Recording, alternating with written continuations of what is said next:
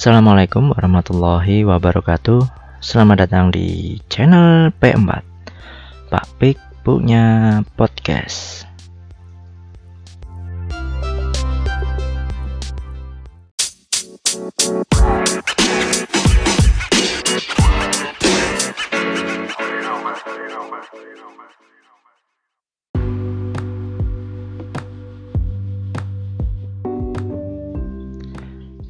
Masih di P4 Pak Pik punya podcast. Kali ini Pak Pik akan menyampaikan tema Masih di hidup rukun di rumah Episode yang kelima.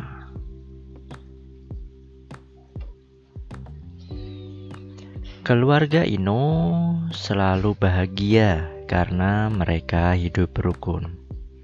Ayah, ibu, Ino, dan Arin tidak pernah bertengkar. Mereka selalu menolong jika ada yang membutuhkan bantuan. Nah, dengan keadaan yang seperti itu, Ino sangat nyaman, sangat bahagia, dan sangat senang.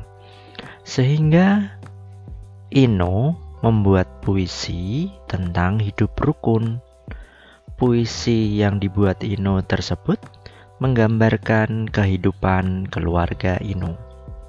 Yuk, kita sama-sama menyimak, mendengarkan puisi yang diciptakan oleh Ino.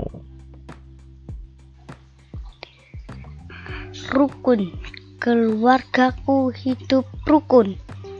Ayah dan ibu rukun, anak-anak rukun rukun di meja makan, rukun dan rukun saat belajar, rukun di mana saja.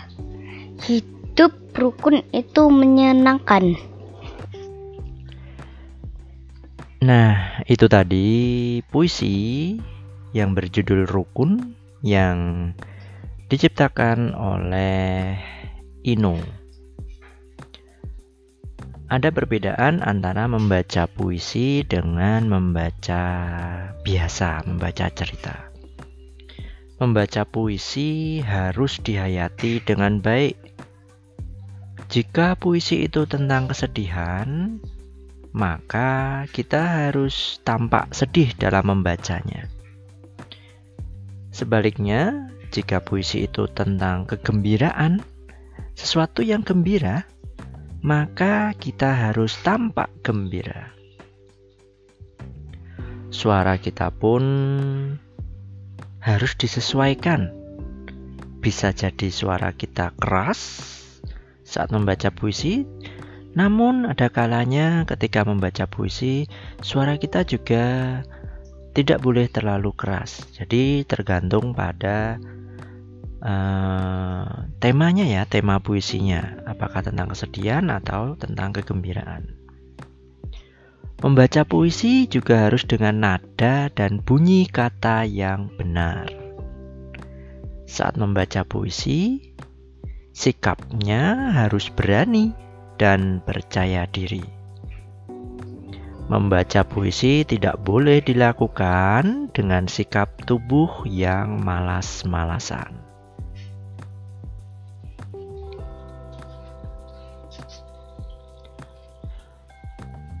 Hidup rukun juga tampak di dalam keluarga.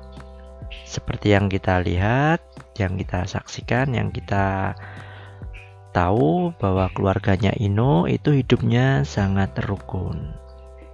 Salah satunya adalah pada saat keluarga kita beribadah. Beribadah menjadi lebih bernilai bersama-sama keluarga. Beribadah akan lebih bernilai jika dilaksanakan dilakukan bersama dengan anggota keluarga. Sahabat P4, menjaga kerukunan itu adalah termasuk pengamalan sila Pancasila. Menjaga kerukunan merupakan pengamalan sila ketiga. Sila ketiga berbunyi Persatuan Indonesia. Persatuan Indonesia dapat tercapai bila seluruh bangsa hidup rukun. Dapat dibayangkan jika seluruh bangsa Indonesia yang besar ini dalam keadaan yang bertengkar, marah satu sama lain. Yang terjadi bisa jadi nanti negara kita berada dalam kekacauan. Nah, sahabat P4, para pejuang kita sudah memberikan contoh nih. Mereka juga selalu mengamalkan pengamalan Pancasila. Contohnya saja, mereka mengamalkan sila pertama, yaitu mereka selalu berdoa kepada Tuhan Yang Maha Esa. Mereka juga mengamalkan sila kedua, loh, yaitu membela kebenaran dan keadilan. Sila ketiga, mereka rela berkorban demi bangsa Indonesia. Ketika merencanakan perlawanan, para pejuang bermusyawarah untuk merencanakan perlawanan. Ini termasuk dalam pengamalan sila keempat. Dan para pejuang berjuang untuk kemerdekaan rakyat Indonesia. Ini berarti para pejuang mengamalkan pengamalan sila yang kelima.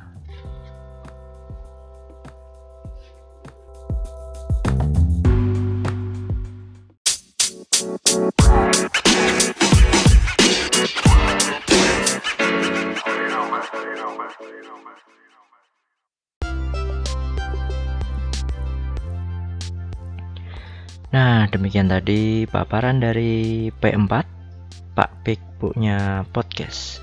Semoga bermanfaat. Berjumpa kembali pada episode berikutnya. Wassalamualaikum warahmatullahi wabarakatuh.